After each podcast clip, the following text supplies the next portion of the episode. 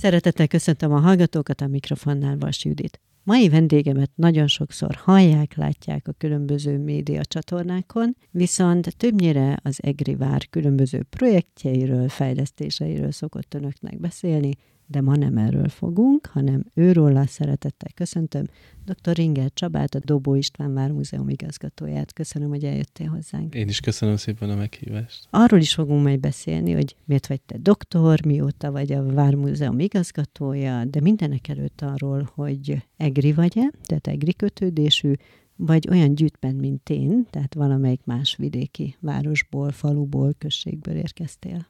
Hát én nagyon messziről érkeztem no. Egerbe, úgyhogy ha mondhatjuk gyűjtment vagyok, így van. Egészen Pécsről, tehát amikor elkezdtem a főiskolát Egerben, akkor még hat órát kellett utazni, most már azért jóval kevesebbet kell utazni. A tömegközlekedéssel is Pécs közelebb került. Úgyhogy én Pécset születtem, és Pécsről jöttem ide először főiskolára, aztán itt ragadtam 2002-ben már, itt kezdtem munkába állni.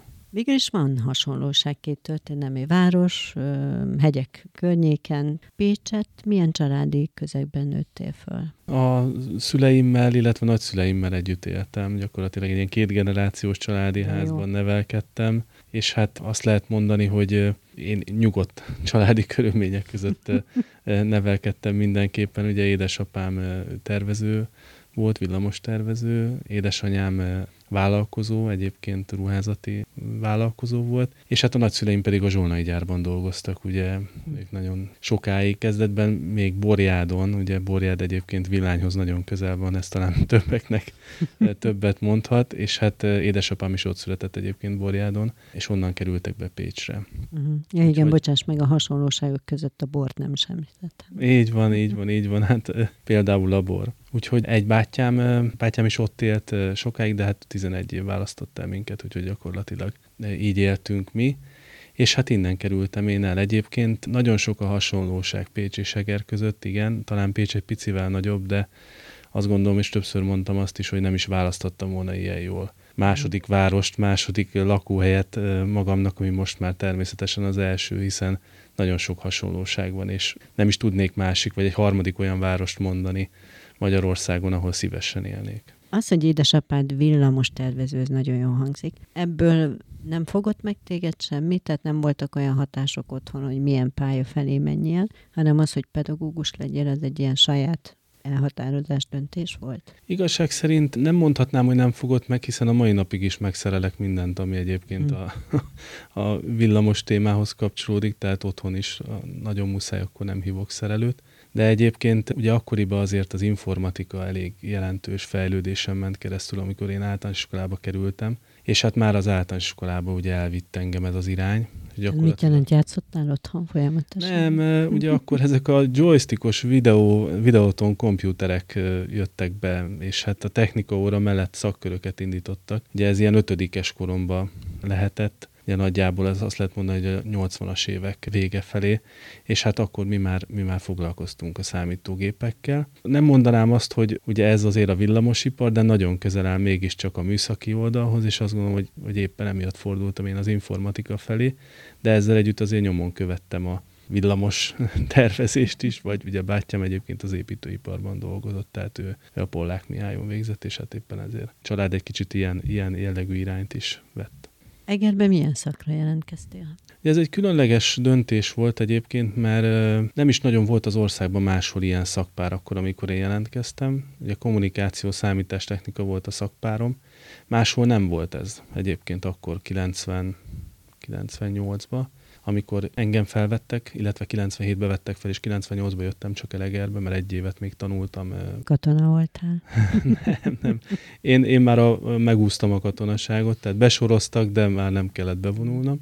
Tehát 97-től még egy évet tanultam gazdasági informatikát, Pécset, illetve könyvelést, kicsit hasonló iskolában, mint a Neumann itt Egerbe, hogy sokaknak talán ez többet mond, és hát utána jöttem el Egerbe. Alapvetően érdekelt mind a két téma, tehát maga a kommunikáció is, egyébként azt is elvégeztem, ugye a kommunikáció, média marketing szakirányon végeztem itt a Eszterházi Károly főiskolán, még akkor ugye főiskola volt, és hát mellett a számítástechnika megmaradt, és aztán utána mind a kettőt tovább vittem egyébként egyetemi szinten. Az, hogy kommunikációs szakra mentél, abban mi vonzott igazán? Újságíró akartál lenni, nem tudom, operatőr, nem tudom, tehát hogy a, a kommunikációnak melyik szegmense vonzott? Ugye kezdetben még én se értettem igazából, hogy mit jelent maga a kommunikáció. Ugye ez egy nagyon hangzatos szak volt akkoriban, és mindig is egyébként úgy valahol az osztályközösségen belül kicsit többet beszélők között mozgolódtam, és hát éppen ezért úgy gondoltam, hogy hát nekem jól állhatna az, hogyha mondjuk az elektronikus médiában kipróbálnám magam, de ugyanakkor azt mondom, hogy az írott sajtó is érdekel, mm. tehát abszolút nem határoztam el magam, hogy milyen irány, és hát azért arra is rá kellett döbbennem ott a felvételi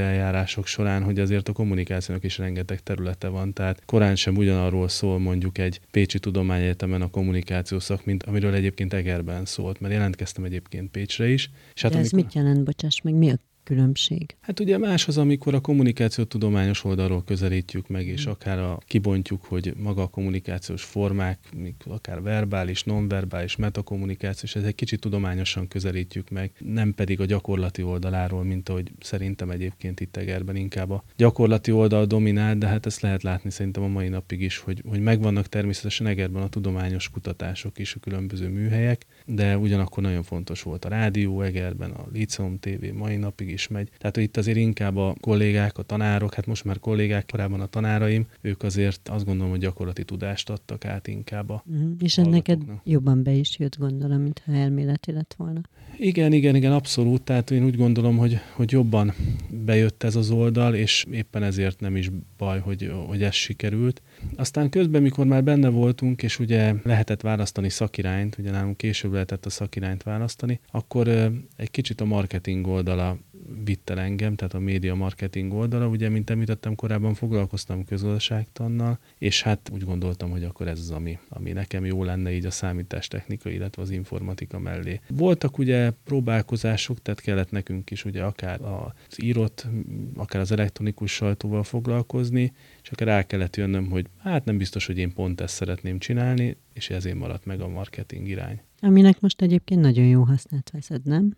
Azt gondolom, hogy igen, tehát sok olyan hasznos információt tanultunk annak idején, amit egyébként most jól alkalmazunk a kollégáimmal, és hát örülök neki, egyébként olyan kollégám is van, aki, aki nekem egyébként csoporttársam volt, és teljesen véletlenül sodort minket egymás mellé az élet így a, a várban most már, és hát azt gondolom, hogy ő is jól űzi a szakmáját, azt gondolom, hogy velem tud róla beszélgetni, mert nem vagyok teljesen hülye hozzá, mondhatom ezt, és hát így igen, tehát használt vesszük abszolút ezeknek. Mit tartott itt Egerben? Szerelem, lehetőség? Hát a szerelem az mindenképpen, hiszen a feleségemmel gyakorlatilag 2000 óta vagyunk együtt, még a főiskola alatt ismerkedtünk meg. Ugye azt is elmondhatom, hogy hát 2002-ben, amikor én végeztem éppen a főiskolán, akkor már végzősként állást kaptam. Tehát gyakorlatilag az utolsó fél évemet azt úgy végeztem el a főiskolán, hogy már közbe dolgoztam tanárként, gyakorló tanárként. Ugye az informatika szak, vagy a számítástechnika szak az tanári szak volt, és hát mint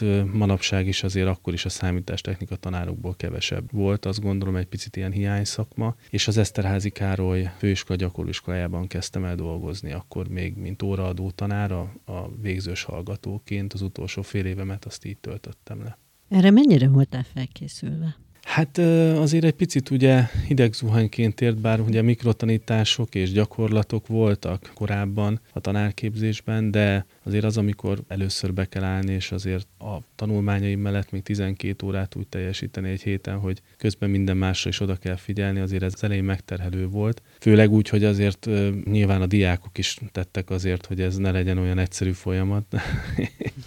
Úgyhogy ez, ezekkel mind meg kellett birkózni de nem tántolottam el, tehát azért uh-huh. csináltam tovább. Meg ez a te területed olyan, ahol viszont állandóan magadnak is fejlődni kell, nem? Hiszen a gyerek, a mai gyerek abszolút elvárja, hogy te is mai legyél. Igen, én azt gondolom, hogy az is önmagában nagy büszkeség lehetett akkor, illetve hát azt gondolom, hogy most is, hogyha valaki akár rögtön, a, vagy már a főiskola alatt, vagy már az egyetem alatt állást kap abban a szakmában, amiben egyébként ő végzettséget fog szerezni. Úgyhogy éppen ezért ezt valószínűleg nem is hiába bízták rám ezt a feladatot, én azt gondolom a mai napig. Ja, téged fölkértek? Tehát te igen, kaptál egy lehetőséget? Igen.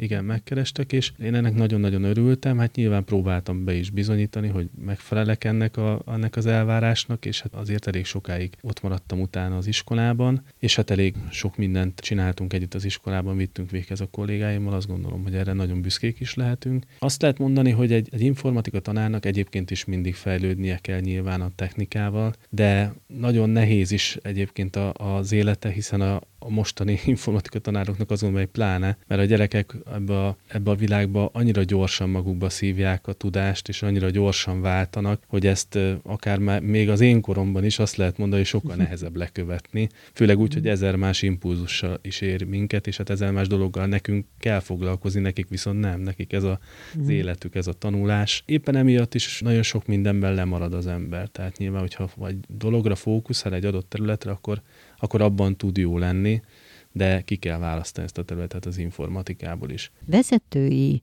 pozícióból volt-e bármi nemű tapasztalatod, mielőtt a várba kerültél? A gyakorló iskolában én ugye kezdetben pedagógusként dolgoztam, aztán mikor a szakképzést beindítottuk a gyakorló iskolába, akkor gyakorlati oktatásvezető lettem. Ez elég korán bekövetkezett, és ugye főleg a Barkóci úti épületben ott egy beruházásnak köszönhetően ezt még munkaerőpiaci alapnak hívták annak idején. Építettünk egy új épületet, és ebben már részt vettem én is, és utána gyakorlati oktatás vezetőként dolgoztam majd. Később szakvezető, ugye ez nem annyira vezető pozíció, inkább az informatika szakos hallgatóknak a képzéséhez tartozik, de utána igazgatóhelyettesként dolgoztam a gyakorlóiskolában. Hát az évet most pontosan nem is tudom, hogy mikortól, de aztán elég gyorsan váltottam, mert megalapult az Agriatisk Nonprofit Kft., aminek egyébként az volt a célja, ugye annak idején, hogy a szakképző intézményeket, ugye akkor úgy mondtuk, hogy a nem állami fenntartású szakképző intézményeket, ilyen Neumann, Szent Lőrinc, Wigner, ugye Eszterházi gyakorló, és az Eszterházi Károly főiskola volt ebbe benne, ő nekik legyen egy ilyen összefogó szervezetük, és különböző szakképzésfejlesztési projekteket vigyünk véghez. És hát ebben is ugye vezetőként tevékenykedtem, gyakorlatilag a tiszket én vezettem, és hát építettünk például két nagyon jó kis épületet, ami a mai napig is azt gondolom, hogy Egerben hiánypótló, főleg itt a, a hírlap mellett is ugye a, a tiszk épülete, mind a kettő ugye ebbe a projektbe jött létre. Tehát ezt vezettem egészen 2012-ig, úgyhogy közvetlenül bent a KFT-nél, majd visszamentem igazgatóhelyettesnek a gyakorlóiskolába, és folytattam az ottani munkámat 2017-ig, és onnan váltam ki gyakorlatilag akkor a gyakorlóiskolából. A kommunikációval szakmai szinten elveszítetted a kapcsolatot, vagy volt ennek is egy útja az életedben? Én azt gondolom, hogy nem, nem jelent meg markánsan. Tehát nem, nem veszítettem el a kapcsolatot, hiszen elvégeztem utána egy kommunikáció tanár szakot. Ezt e, ilyen úgynevezett B-szakként jelent meg a palettán, a képzési palettán az Eszterházi Károly Egyetemen, illetve még akkor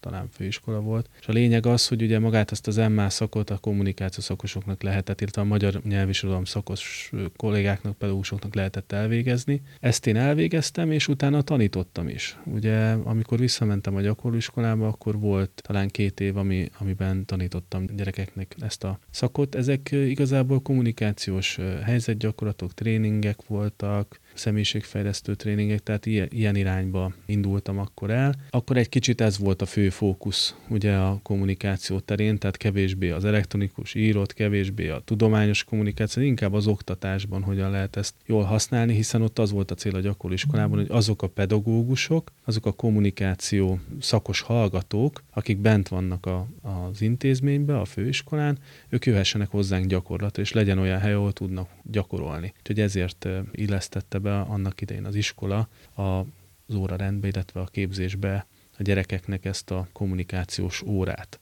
Ami egyébként szerintem nagyon jó dolog. Tehát én azt gondolom, hogy egy középiskola 9. osztályában ilyen dolgokról beszélgetni a gyerekekkel, tehát nem egy kötött frontális osztálymunkáról van itt szó, hanem inkább tényleg csoportfoglalkozásokról. Ez azért egy nagyon jó dolog, én azt gondolom. Nagyon sokszínű eddig a nem tudom hány éves korodig, amire, ahol tartunk most, az életutat, meg amennyi mindenbe belefogtál, tanultál, stb., de sehol nem találom egyelőre. A történelem iránti, az épített örökség, stb iránti érdeklődést. Tehát ebből gondolom, hogy itt elsősorban te vezetőként szerettél volna megfelelni, vagy megjelenni, vagy pályázni a Dobó István Múzeum élére. Az igazság az, hogy a feleségem történelem szakos. Ó, akkor visszamondtam. Ilyen szempontból van közöm a történelemhez, illetve hát azért abban a közegben, amiben annak idején ugye a, a főiskolán voltam, ott rengeteg történelem szakos, magyar szakos, most már ugye kolléga, annó hallgatótársam volt, ugye ez volt az, az úgynevezett szakkollégium, és hát én is itt éltem két éven keresztül, illetve külsős tagként előtte is szerepet vállaltam, úgyhogy azért nagyon sok, sokat foglalkoztunk mi ezekkel a témákkal, de magához az épített örökséghez is azt gondolom, hogy már sokkal korábban azért közöm lett, hiszen így ezt magával a, a TISZK építésével is azért egy olyan területen kezdtünk el építkezni, ahol bizony a föld alatt is találtunk nagyon, illetve tudtuk, hogy a föld alatt vannak dolgok, és ezért is teljesen átterveznünk az Agriatisznek az épületét, Úgyhogy ha valaki most ugye bemegy oda lentre, akkor azt úgy kell elképzelni, hogy 90 fokba elforgatva be a rossz templom és a négyes iskola közé, tehát így volt az első terv, és hát az örökségvédelemmel, illetve hát a Dobó István Vármúzeum akkori régészével, hogy a Fodor Lacival együtt találtuk ki, hogy azért ezt másképp kellene megépíteni, de hát azt is akkoriban már azért tudtuk, hogy például az a ház, ami, az, ami itt volt a hírlap mellett is, az is egy kis lábas ház volt, egy ilyen különleges ház, nem a 20. században épült házról beszélhetünk. És hát nyilván az akkori tervezések, az akkori találkozások az örökségvédelemmel azért valamelyest irányították ez iránt is az érdeklődésemet. Ettől függetlenül nem vált a mindennapjaim részévé addig, amíg a Vármúzeumban nem kerültem. Pontosabban nem is a Vármúzeumba, hiszen én azért eltöltöttem majdnem másfél évet az Evadban. Ugye 2017-ben mentem az Evadba dolgozni, és itt ugye... Mint? Hát egy projektirányítási vezető. És gyakorlatilag itt feladatom már vált például az Uránia mozinak, ugye Agria Film Kft. az Uránia mozinak a felújítása, ugye ez egy műemléki épület, tehát ott már ezzel foglalkoztam, illetve a Tűzoltó Múzeumnak a, az irányítása, felügyelete, a Márai Központ, ugye ami azért kevésbé műemlék, tehát ezekkel foglalkoztam ugye főképpen az Evaton belül, és hát ezek között ugye vannak olyan projektek, amik bizony az örökségvédelemhez szervesen kapcsolódnak, tehát akár a Tűzoltó Múzeum, akár az Uránia mozi. Mi volt az első hideg zuhany, miért? kinevezésed után? Húha, hát ö, azt talán szerencsém volt, hogy 2018-ban, 2018 eleje tájékán, ott május tájékán, külső szereplőként, tehát mint evatos egyébként, ott voltam a várban, és áttekintettem már a várat, tehát néztem, hogy hogy működik, mint működik, milyenek a fejlesztések, merre tovább, ugyanis akkor azért javában benne volt még a Nemzeti Kastély és Várprogram tervezésébe a vár, és hát nem csak a tervezésében, hanem nagyon a megvalósítás elején voltak illetve voltunk akkor. Úgyhogy így azért egy elég széles képet kaptam arról, hogy mégis milyen állapotban van jelen pillanatban az Egrivár. És hát emellett ugye a szakmai munkát is fontos volt megismerni, mert kívülről azért nehéz a, részleteket látni, ami belül működik, áttekintettem az iratanyagokat. Úgyhogy a kinevezésemkor én azt gondolom, hogy a nagyon-nagyon hideg zuhany az, az nem, nem hiszem, hogy ért. Tehát úgy nagyjából tiszta volt a kép, hogy mit vállalok, ami egy picit azt gondolom, hogy nehéz, illetve nehézség volt, hogy nyilván én egy teljesen külső szereplőként érkeztem ide, és hogy kollégákkal elfogadtatni magamat, meg egyáltalán azt megértetni a kollégáim, remélem azóta már így gondolják, hogy azért ide nem egy olyan ember érkezett, aki minden áron itt tűzzel, vassal, és akkor rendet akarok csinálni. Tehát nem, nem hiszem, hogy ez volt itt a, a cél, hanem inkább egy ilyen a saját szempontom szerint egy kis egészséges irányt felvenni, amit én gondolok, amit én jónak gondolok, az én stílusommal, az én vezetői stílusommal. Hát az élet az meg majd megmutatja, megmutatta eddig, hogy, hogy merre. Milyen a te vezetői stílusod? Hát én azt gondolom, hogy nagyon empatikus. De most ezt nem, de nem akarom magát nagyon dicsérni. Azért nagyon sokszor van az, hogy halogatok és nem válaszolok kérdésekre, de ez valószínűleg nem azért van, mert nem tudnék rögtön át vagy bét mondani, hanem inkább mérlegelek. Tehát én azt gondolom, hogy inkább mérlegelek. Az empátiát azt inkább amiatt mondanám, mert sokszor hallgatom a kollégáimat, hogy de miért engeded ezt még meg, meg hogy miért lehet még ez, meg miért így van. Akkor én mindig erre azt szoktam mondani, hogy azért, mert úgy gondolom, hogy a te esetedben egy ilyen lenne, akkor neked is jó lesne, hogy mondjuk ezt, ezt én akceptálom, és akkor nem állok rögtön beléd, nem kezdem el firtatni ezt a kérdést. Úgyhogy én inkább így értékelem ezt, de ezzel együtt, igen, tehát sokszor van az, hogy, hogy nem tudok olyan nagyon-nagyon határozott lenni, és kimondani, hogy, hogy már pedig ez így lesz, hanem sokat azért gondolkodom rajta, de aztán végül is úgy gondolom, hogy jó döntések születnek, vagy legalábbis a legjobb döntések születnek az adott mm. helyzetben.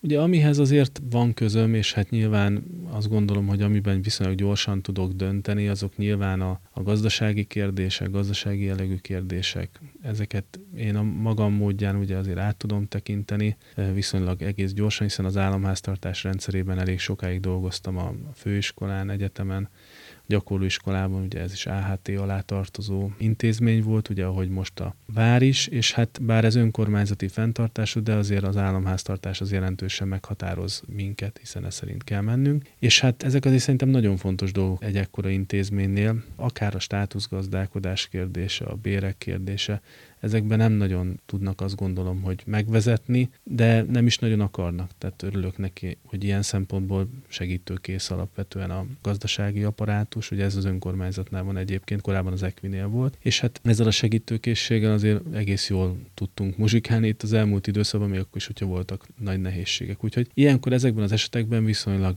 gyorsan, sőt nagyon gyorsan tudunk dönteni. Ugyanez vonatkozik a pályázatokra, a projektekre, tehát minden olyan kérdésre, ami alapján, ugye számok alapján, tények alapján könnyen és gyorsan tudunk mérlegelni, viszont hogyha emberekről döntünk, ha gyerekekről van szó, akkor azért ott, ott szerintem nem szabad gyorsan dönteni, tehát ott azért mérlegelni kell, meg kell vizsgálni minden aspektus. Nemrég volt itt nálam az Érseki Palota az igazgatója, és tőle kérdeztem azt, hogy ez egy emblematikus helye Egernek, gyönyörű emblematikus helye, és hogy így érzelmileg, vagy bármilyen szempontból hogyan hat rá az, hogy ő, ő a vezetője ennek a csodálatos épületnek. Az Egri vár aztán végképp egy olyan jelképe Egernek, ahová szinte minden magyar eljut már gyerekkorában, kamaszkorában, mindenki ismeri. Szóval, hogy ez a felismerés, ez hogy érintett meg téged, hogy te lettél az igazgató?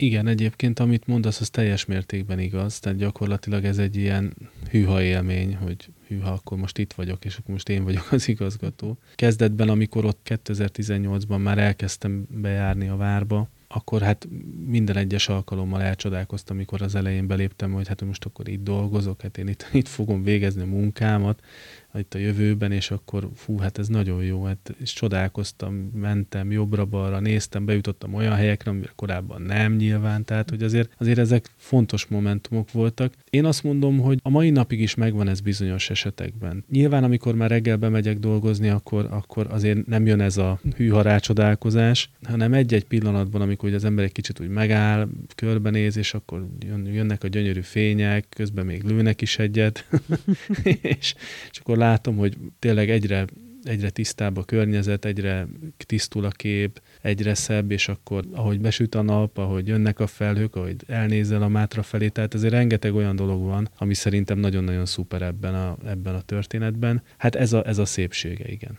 Mi a te célod egyébként, hogy mivé váljon az Egri vár? Ja, maga az Egri vár az egy, az egy kultuszhely. Küldetés nyilatkozatunkban is ez van, hogy, hogy kultuszhelyként tekintünk az Egri várra. Maga a 1552 kultusz, a hősiesség, Dobó Istvánék és a várvédők és hogy mindez az, amit nekünk ápolni kell, mindez az, amit a minden időpillanatban, amikor a látogató bent tartózkodik, akkor ezt kell erőltetnünk, ezt kell erősítenünk, ezt kell átadnunk minél nagyobb élmény faktorral. Ugye változik a világunk, rengeteget változott az elmúlt hat esztendőbe is, és hát én azt vettem észre, hogy egyre inkább az emberek inger küszöbe magasabb, és egyre inkább meg kell próbálni nekik valami egyedit adni. Mondok egy példát, itt van a hagyományőrzés, ugye viseletbe öltözött kollégák interpretálják a, például mondjuk a fegyverbemutatót. Szerintem amikor ide kerültem, ugye a várba, akkor lehet, hogy egyedül itt volt Egerbe ez ilyen magas szinten művelve, és ezt pont azért mondom így, mert tényleg azt gondolom, hogy az elődeim ezt magas szinten bevezették a várban. Azóta eltelt jó pár év, és úgy gondolom, hogy máshol is megjelentek az ilyen típusú interpretációk. Lehet, hogy nem olyan magas szinten, mint nálunk van, tehát én továbbra is azt mondom, hogy, hogy itt bizony a maguk a puskák, a fegyverek, a kardok, a, a gasztronómia, minden azért, azért komoly szakmai tudás van mögötte, hogy ez miért úgy van bemutatva, és miért úgy néz ki. De hogy már azért van mindenhol, és akkor mindig kell egy kis újat azt gondolom kitalálni, belevinni. Lehet, hogy picit más dolgot, más kiállítást. Nekünk nagyon ö, nagy dobás volt most például a film. tehát ez az Eger 1552 című kisfilm, ami megint azért jó néhány évre lehetőséget ad arra, hogy egy olyan bummot, egy olyan élményt, kezdeti élményt adjunk a látogatónak, amivel azt mondja, hogy hú, hát én ezt akkor meg akarom ismerni. Tehát én, én tudom már, hogy mi ez az 1552, hogy ez ilyen volt, és hogy akkor igen, a dobó, meg, meg hogy ennyien voltak a törökök, meg ott jöttek, meg hogy itt mi történhetett. Ezek nagyon fontos momentumok, és hát például a kiállításainkkal is ugye ezt próbáljuk erőltetni. Én azt gondolom, hogy, hogy most volt, ugye most nyílt a Gárdony téren egy ilyen kis installációs kiállításunk a Ferdinand Zinzendorfnak a rajzaiból, ami az 1704-es várábrázolást jelenti. Ugye ezt azért emelném ki, mert, mert beszéltünk, hogy mivé váljon a vár. Ugye nagyon fontos a vár rekonstrukciója, állagmegóvása szempontjából, hogy azt hitelesen próbáljuk meg visszaépíteni, vagy hitelesen próbáljuk meg állag megúvni, ha mondhatom így. Rengeteg vita van a mai szakmai berkekben is, illetve a közéletben is arról, tehát akár egy egyszerű Facebookos poszt alatt is, laikus emberek részéről, hogy mégis mi a jó és mi a rossz a várépítészetben jelen pillanatban. Én azt gondolom, hogy az Egri vár ilyen szempontból nagyon jó irányba indult el. Hiszen ezek a rajzok, amik az alapját képezik a rekonstrukcióknak, Egyrészt nyilván van történeti tudásunk arról, régészeti tudásunk arról, hogy hogy nézett ki a vár, és hát ez az, ami mi szeretnénk mi formálni majd az egri várat a későbbiekben, ez meg van tervezve. Ugye maguk az 1704-es rajzok az egy adott állapotot tükröznek a, a várból. Ez azért lényeges nekünk, hiszen nincs más tudásunk, tehát nincs korábbi tudásunk erről. Vannak egyébként ábrázolások, ugye akár a Hufnagel metszetet is említhetnénk, ahol az, az egyértelműen látszik egy korábbi időszak, de az 1704-es rajzok azok, azok egy katona, egy hadmérnöknek gyakorlatilag egy várkapitánynak a rajzai, a felmérései, úgyhogy azok azért ilyen szempontból sokkal léptékarányosabbak lehetnek, stb. stb. Tehát mindegy művésznek a metszete ugye akár 17. század közepéről, végéről. És hát nekünk nem feltétlenül kell mindent visszaépíteni. Tehát én azt gondolom, hogy senki nem annak a híve, hogy, hogy mindent visszaépítsünk, de azért azokat a talán a, a 20. század második felében végzett ugye felújításokat, amik egy picit a romkonzerválás tekintetében rossz irányt jelentettek, azokat viszont ki kell javítani, tehát azt gondolom, hogy meg kell óvni azokat a maradványokat, töredékeket, amik még ott vannak nekünk, és hát ezeket állagmegóvó beruházásokkal lehet meg megtenni, viszont vannak olyan részek, amiknél azt gondolom, hogy fontos lenne egy némi rekonstrukció, akár mondjuk a Tömlőcés földbástya, vagy a Palota épület, ugye a Palota épületét azért többször felújították, tehát ott több tudásunk is van arról, hogy hogy alakul a palota. Azt össze foglalni csak pár mondatban, mert nem akarom a hallgatókat itt projektekkel terhelni, de hogy amikor oda kerültél, és amilyen állapotban van most a vár, melyek voltak a legnagyobb fejlesztések, ami már a te neved alatt ment végbe?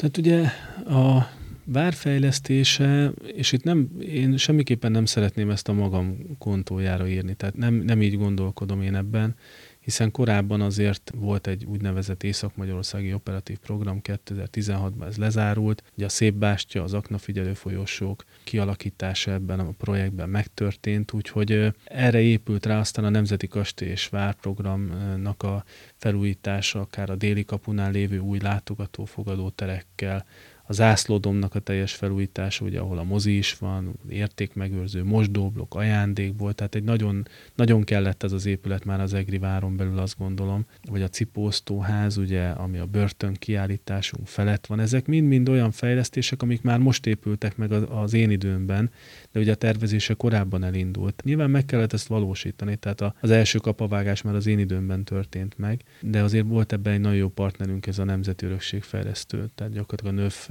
mellett végeztük ezt a tevékenységet, és hát az önkormányzat is természetesen ebben segített, hogy ez így konzorciumba valósult meg. Vannak olyan fejlesztések egyébként, amik nem ilyen, ilyen projekteken keresztül jöttek, hanem például közvetlen támogatással, tehát akár mondjuk felújítottuk közben a déli belső várfalat, vagy saját erőből mondjuk a Kovácsok lakatosok tornyát, amit legtöbben onnan ismernek, hogy a karácsonyi fények ugye itt szoktak futni végig, és hát ez egy emblematikus tornya a várnak éppen ebből kifolyólag. De kiebb is nézhetünk, tehát akár a Gárdonyi kertnek a rehabilitációja, akár mondjuk a Ciffer Sándor galériának a felújítása, ezek is már ebbe az időbe, az elmúlt öt évben születtek meg. Úgyhogy van azért több ilyen, ilyen jellegű projekt, amit végigcsináltunk a kollégáinkkal, igen. Akkor inkább úgy kérdezem ma a jövőre utaló kérdésemet, hogy amit most tudsz, hogy folyamatban van tervben van, nem tudom, olyan, olyan viszonylag biztosnak tűnik a megvalósítása, ennek az útnak körülbelül mikor lesz vége? Tehát mikor ülhetsz ki oda Ja. oda egy kicsit valahogy a várfalra, egy pohás sörre, vagy egy finom borra, és azt mondod, hogy na megcsináltuk.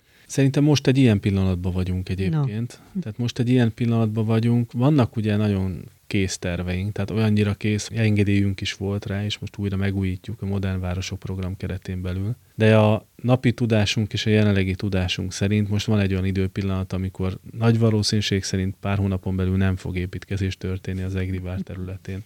Az, hogy a következő turisztikai szezonban, ugye ez márciustól október végéig tart, lesz-e ilyen, valamikor ott a végetájéken, ezt még most nem lehet megmondani jelen pillanatban, itt novemberben.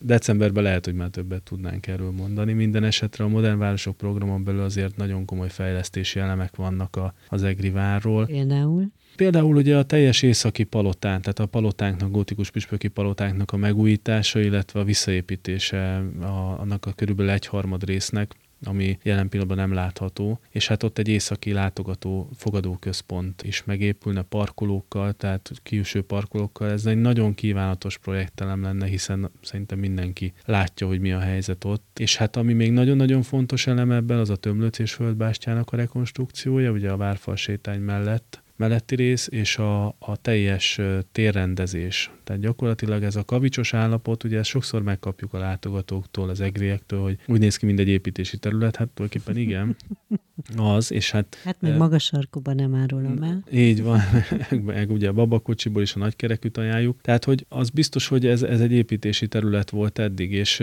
az MVP-be kapott volna, illetve kapna ez egy teljes kertépítészetet, déli, északi, tehát teljes várudvar gyakorlatilag ezek például nagyon-nagyon fontos projektelemek, úgy gondolom. Mindenképpen fogunk lépni, szeretnénk lépni 2024-ben a tekintetben, hogy ez megváltozzon. Tehát maga a tér, egy kicsit otthonosabban nézzen ki, egy kicsit zöldebb legyen. Próbáltuk eddig is, ha valaki észrevette, azért többet jár nálunk, jó néhány konténert eltüntettünk, jó néhány dobozkát, vadobozkát eltüntettünk, ugye ilyen ideglenes helyeket, tehát úgy kitisztítottuk gyakorlatilag a vár területét. Ezzel együtt, hogyha ha mégiscsak azt mondanánk, hogy mondjuk a következő évben elindul a gótikus püspöki palota felújítása, akkor mi tapsikolnánk leginkább, hiszen tudjuk, milyen problémák vannak jelen pillanatban azért a püspöki palotában. A akár gépészetileg, akár energetikailag azért ez egy nagyon-nagyon régi épület, és nagyon ráférne egy ilyen jellegű felújítás. És hát nem beszélve arról, hogy például ennek a tető terében létrejönne egy olyan konferenciaközpont, egy 250 fős konferenciaközpont, mellette kiszolgáló helységekkel, lifttel, akadálymentesítéssel, wc ajándékbolt, ami, ami nagyon kellene egy ilyen 21. századi, mondhatom ezt várba, mégis úgy, hogy nyilván ne vegye el a várnak a jellegét. Tehát, hogy semmivel ne legyen ez több, mint annak idején volt. Ugye nyilván kifelé nem látszik, belül viszont modern. Ilyen egy picit most az ászlódombunk is. Olvastam eled egy interjút, és azt nyilatkoztad, hogy amióta vezető vagy, a várban béke van. Ezen mit értettél, ha vissza tudsz emlékezni? Hát én azt gondolom, hogy ugye talán nagyon sokszor, tehát sok változás volt a vár életében a mondhatom azt, hogy, hogy ott a 2010-es évek után. Tehát elég sok probléma adódott, és hát éppen ebből fakadóan én azt gondolom, hogy egy picit akkor, amikor ezt mondhattam, akkor már úgy éreztem, hogy egy picit megnyugodtak a munkavállalók, a kollégáim, hogy itt most akkor egy állandósult állapot alakul ki, és nem fogok eltűnni mondjuk fél év múlva, hirtelen. Én azt gondolom, hogy talán ez az, ami fontos. Én ezt próbáltam minden alkalommal úgy úgy elmondani és erőltetni, hogy nekem nem célom szétverni egy közösséget, nekem nem célom az, hogy itt kivont karddal menjek be a házba, hanem pont az a lényeg, hogy ezt, ezt az állapotot egy kicsit ilyen nyugalmi helyzetbe átfordítsam, és, és mindenki nyugodtan azzal foglalkozzon, ami az ő dolga. A szakmájával, a muzeológus, a, a kiállításokkal, a kutatással, a restaurátor, a Vaktai úton, a műhelyben nyugodtan tudjon dolgozni, és hogy mindehez ugye azért az anyagi fedezet is rendelkezésre álljon. De aztán egyébként nem minden esetben alakult úgy az élet körülöttünk, hiszen azért nagyon, nagyon sok olyan tényező volt, például a Covid az minket nagyon megviselt, főleg a turizmus elmaradásából adódóan, azért ez komoly kihívást jelentett, gazdaságilag is egyrészt, másrészt pedig a kollégák saját mentális egészsége szempontjából is én úgy gondolom, tehát azért, de ezt szerintem mindenki el is Igen. mondhatja, aki hazaszorult. És hát a másik ilyen dolog volt, amit egy picit olyan nehezen éltünk meg, és úgy nehéz volt ugye ez például ez a bizonyos szépbástya esete, hogy az is egy kicsit úgy elgondolkodtatott minket, hogy akkor merre is gondolkodjunk, hogyan nézzünk tovább, de elmondhatom, hogy az egy olyan példa volt, ami aztán teljesen átalakította a gondolkodásunkat erről a témáról. Vagyis? Nagyon fontos az, hogy ismerjük azt, hogy milyen az az épület, illetve milyen az az építmény, amiben dolgozunk, ahol, ahol élünk, amiről gondoskodnunk kell, és hát sokkal több energiát kell fordítanunk arra, hogy ezt folyamatosan monitorozzuk és megismerjük, és kellő időben tegyünk beavatkozásokat. Látsz olyan magyarországi vagy nem magyarországi várat, mert gondolom te azóta főleg úgy jársz bárhol a világban, vagy itthon. Szakmai szemmel azért mindig figyeled, mit lehet ellopni, milyen ötletet. Szóval, hogy látsz-e olyat akár itthon, ami egy ilyen példaértékű lehet neked? Tehát ami ott megvalósult, ilyen céljaid neked is vannak? Természetesen akár, hogyha külföldön is vagyok, akár belföldön, mindig megnézegetem a várakat, tehát mindig meglátogatjuk a várakat, illetve hát nem csak a várakat, hanem a kiállításokat is. Tehát ugye nagyon fontos, hogy itt azért nem csak a várról van szó, hanem hogy múzeum és a múzeumon belüli kiállítások, amik nagyon-nagyon sokat adnak a látogatóknak. A várak tekintetében én nem emelnék ki egy magyarországi várat se, hiszen azt gondolom az EGRI a legjobb. Tehát, hogy wow. ez mindenképpen így, így kell mondanunk, és hát nem kell, de ez, szerintem ez is a valóság egyébként, hogy mi nagyon sok mindenben teljesen mások vagyunk, mint a többiek, akkor talán így szebb mondani ezt, és de vannak olyan várak, amikből bizony tanulunk, tehát tanulunk az ottani jó gyakorlatokból, van akikkel kifejezetten jó a kapcsolatunk, vezetéssel, és hát ugye tagjai vagyunk akár az Észak-Magyarországi Várak Egyesületének is, ugye többször látogatunk el az Emplénbe, az Emplénbe jó néhány vár van, szépen felújított várak vannak, vannak jó példák itt is, de akár mondhatnám a Siklósi várat, ahol mondjuk egy létrehozták ugye korábban a játszóházat, ugye mi is ennek példájára azért gyorsan léptünk és létrehoztunk egy ilyet, de ugyanakkor mondjuk a Tatai várba nagyon jó installációs elemet láttunk, és most ilyet szeretnénk a vártörténeti kiállításban, városba. Tehát, hogy mindenhol, ahol, ahol járunk, ott azért az ilyen jó gyakorlatokat, vagy a Borsi kastély most ugye, nem váról van szó, hanem kastélyról, nagyon szép kiállítással bővült, és nagyon jó installációs elem van itt is. Ezeket azért a kollégákkal így megvitatjuk, és akkor szépen így, így elszipkázzuk ezt az ötletet, és hát nem bűn egyébként tanulni. Én mindig el szoktam mondani, hogy honnan jönnek adott esetben ezek az ötletek, egyáltalán nem baj, hogy erősítjük ezt a fajta várturizmust. A nemzetközi példák esetében főképpen a jó gyakorlatok, a én azt gondolom, hogy a, az esélyegyenlőség irányába mennek. Tehát szerintem abban mi nekünk nagyon sokat kellene fejlődnünk. Nem rosszabbak a kiállításaink egyáltalán, illetve még azt is mondhatnám, hogy még talán a váraink se rosszabbak. Adott esetben úgy gondolom, mint a felvidéken, vagy, vagy akár nyugatabbra, de mondjuk az erdélyi várakat is mondhatnám, például a Nagyváradi vár is nagyon-nagyon szép. Most voltunk ugye Marosvásárhelyen, vagy akár ugye a Csíkszereda.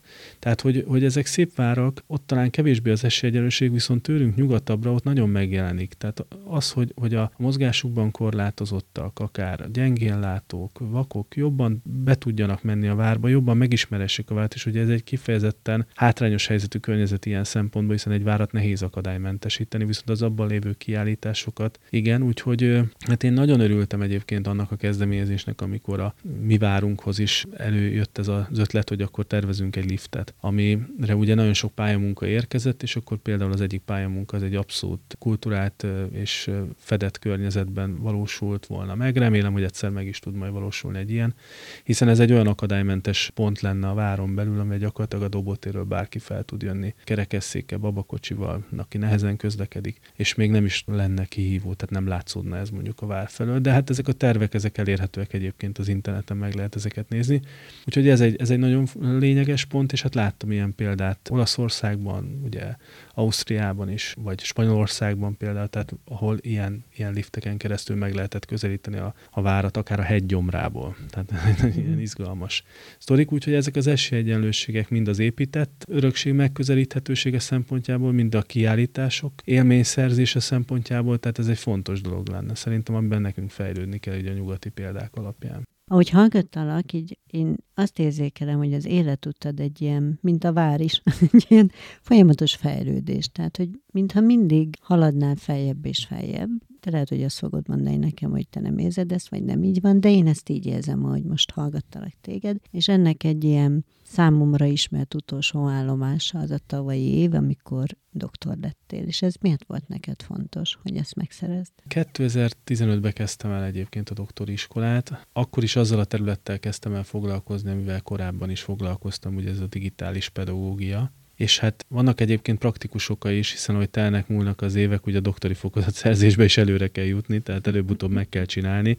Nyilván én még abba voltam, amikor lehetett volna ezt halogatni tovább is, de pont a Covid kapcsán jött egy olyan boom a múzeumi életben is, ami sokkal inkább rákényszerítette arra az intézményeket, és rákényszerítette arra a gyerekeket is, hogy az, a múzeumi tartalmakat digitális módon ismerjék meg. És ugye a pedagógusok is egyre inkább kezdtek odafordulni a múzeum digitális tartalmai felé.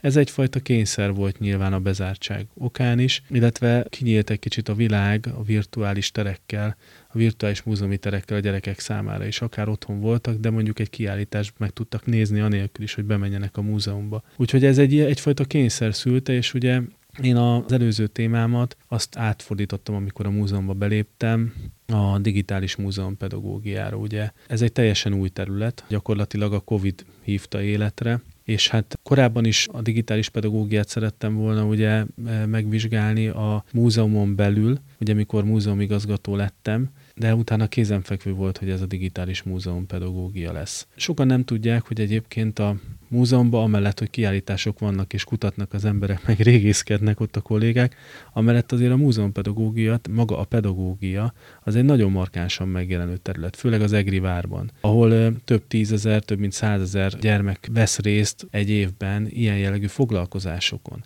és hát éppen ezért ehhez abszolút pedagógus szükséges, tehát nálunk a múzeumpedagógusok pedagógusok. Nem feltétlenül történész vagy irodalomtudós, hanem óvodapedagógus, vagy történelmszakos pedagógus mondjuk, Úgyhogy ezért is azt gondolom, hogy ez egy nagyon lényeges és nagyon fontos területe a múzeumi szektornak, és nagyon sokat fejlődött az elmúlt években, évtizedben maga a múzeumpedagógia. Úgyhogy ezért volt számomra is fontos, hogy ebben, ebben ezt a kutatást lezárjam, és aztán ebben most már megyünk tovább, hiszen van olyan kollégám is, aki most kezdte el a neveléstudományi doktori iskolát egyébként, és, és ő is már a múzeumpedagógia területen kutat, és már kicsit tovább lépett, mondjuk akár a mesterséges intelligencia irányába, ami egy újabb kutatási terület. Úgyhogy ezek mind-mind olyan tényezők, amiket lehet, hogy kívülről nem látszik, hogy milyenekkel foglalkozunk, de, de ezek kellenek szerintem ahhoz, hogy amiről beszéltem is, hogy minél élményszerűbb múzeumot tudjunk megmutatni a gyerekeknek. Hát én kívánom, hogy mindez sikerüljön, meg kívánom, hogy minden ilyen vágyad, álmod a magánéletben is sikerüljön. Köszönöm szépen, hogy itt voltál velünk. Köszönöm szépen én is. Kedves hallgatóink, dr. Inger Csapát és Masiditot hallották. Legyen szép napjuk, viszont hallásra.